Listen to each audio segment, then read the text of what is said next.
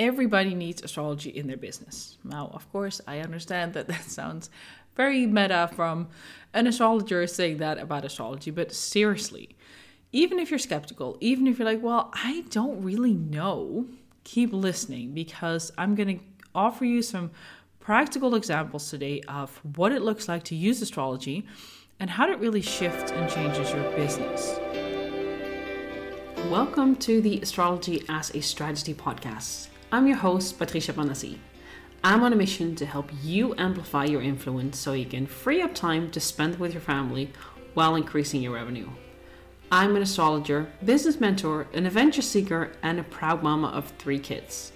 Think of this podcast as your shortcut to more joy and ease in your business. Running a business is joyful, and when you're not having fun, you haven't cracked the code yet, but that's about to change. I share practical and short tools how to use astrology in your business and life. So let's get started on using your energy strategically to make a bigger impact, have more free time, and grow your wealth.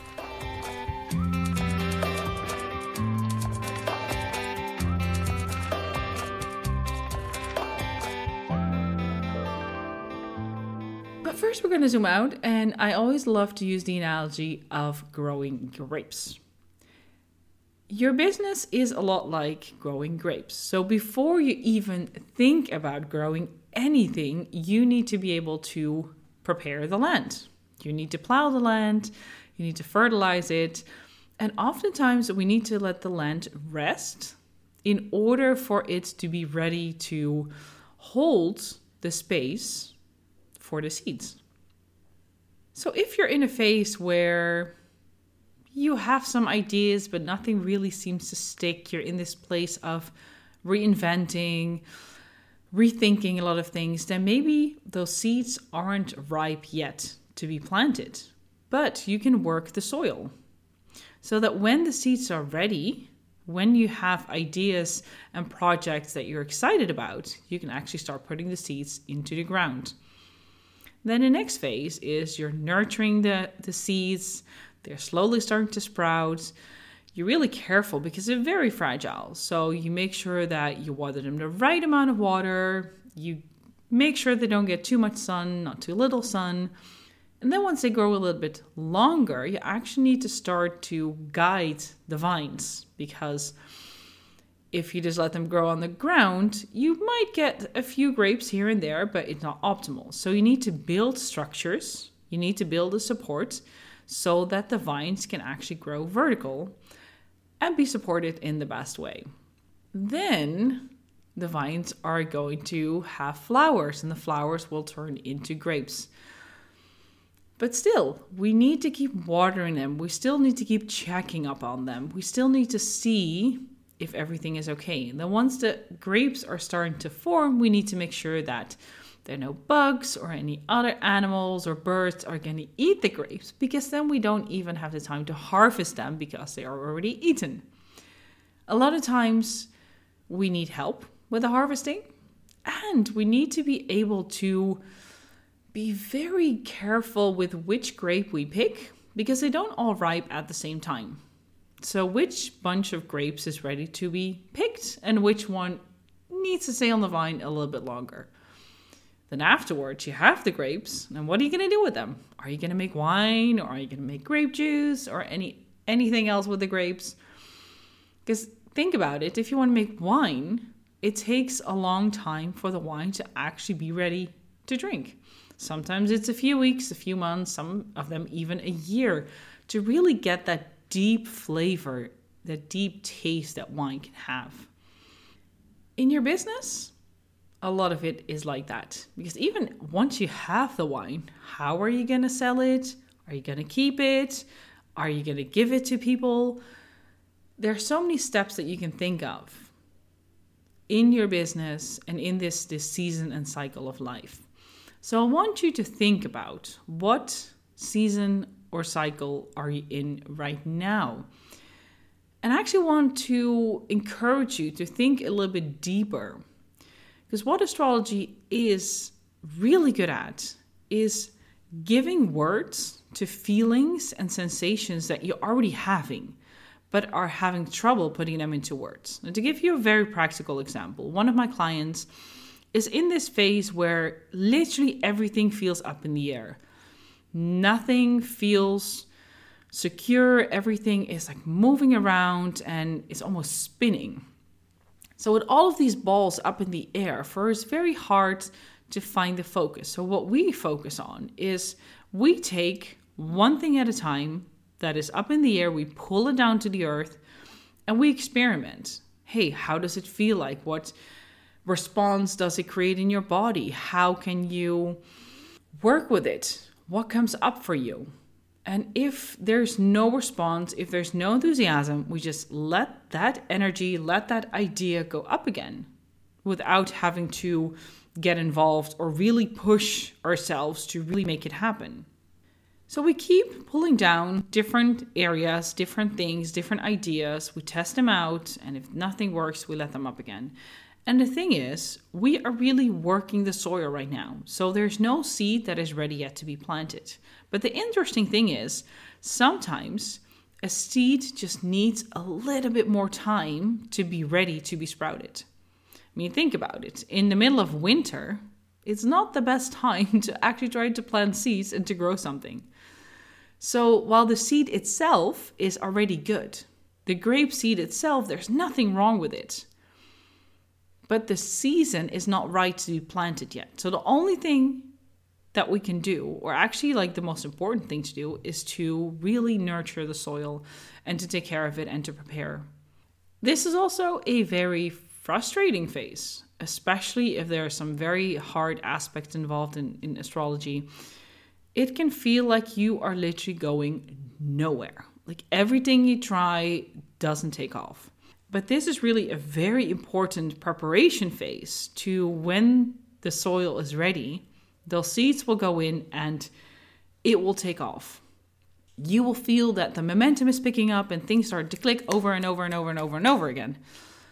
But we have to be patient for that. And this is actually one of the uh, the seasons. If my client is, is is in a season like this, this is actually one of the hardest things because we're so taught to keep pushing, have to produce. And because it's not a sexy phase, if, if somebody's asking you, hey, how's your business going?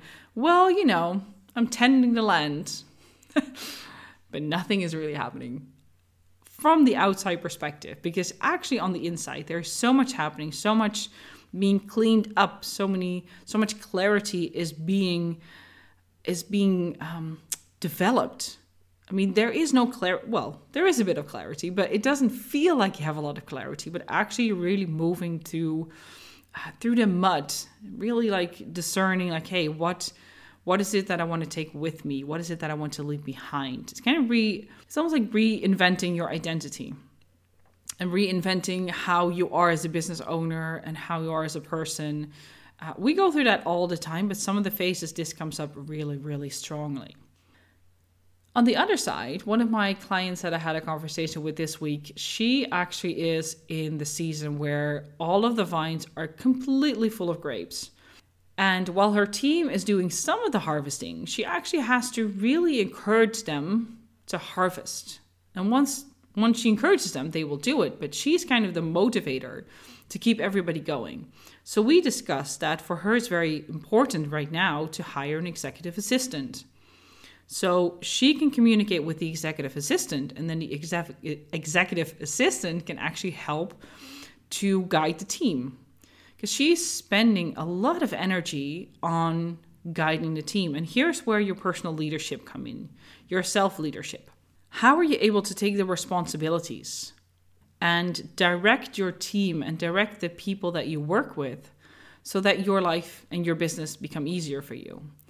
Now, I know there is a period of time where if you hire new team members, there is this time where everybody needs to get used to their responsibilities and understand the business and everything that is involved. But there there has to be a time where every single team member can motivate themselves, where they can pick up a project themselves and actually go with it. So for her, it was important to tell her executive assistant, hey, those are the grapes that need to be harvested.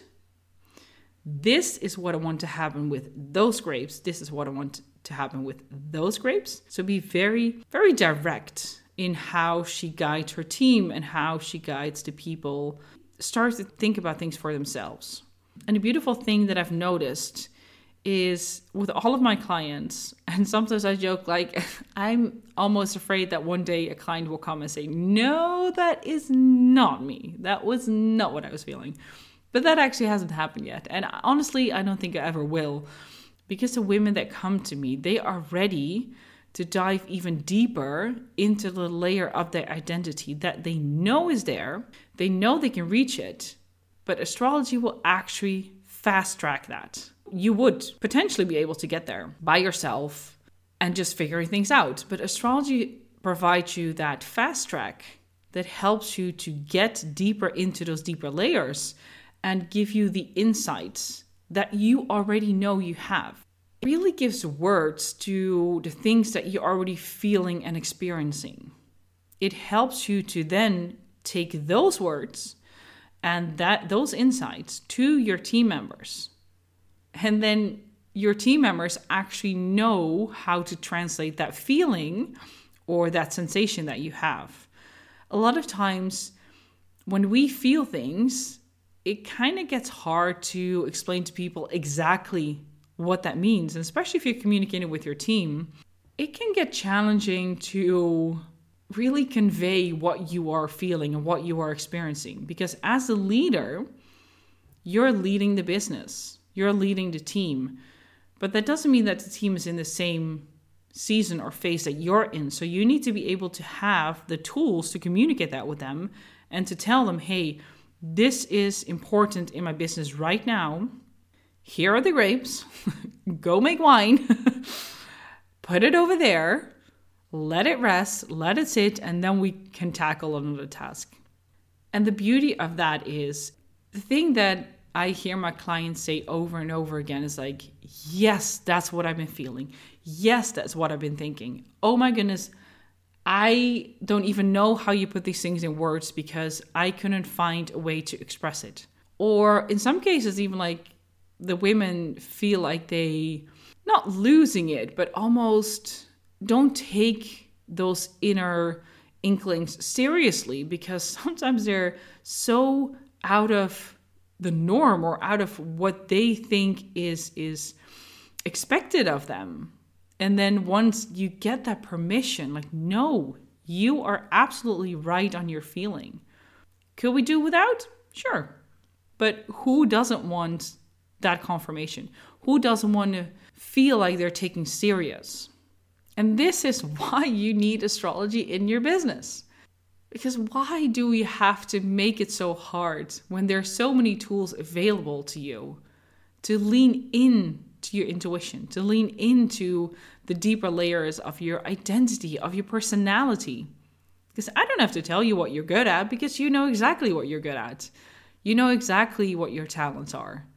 But you also know and sense that there is a part of you that is not explored yet a part of you, a part of your leadership, a part of your self knowledge that hasn't been touched yet. And astrology helps you to draw that out and to give you the right prompts to go even deeper and to explore that for yourself. If you're listening and you think, yes, I know I have these deeper layers and I know that I want to access them because it will definitely make my business run so much more smoother the communication with her team. For this year, the end of 2021, I have one spot left for a one day retreat. And if that one is calling your name, you can shoot me a DM on Instagram. You can find me on Patricia Panassi, or you can email me at hello at patriciapanassi.com and you'll find all the links in the show notes. Because I really want you to understand how you can use this knowledge to communicate with the people around you and to make a plan for the next 12 months, which is what we do in the one day retreat, to help you to flesh out where do you stand? What is needed in the next 12 months?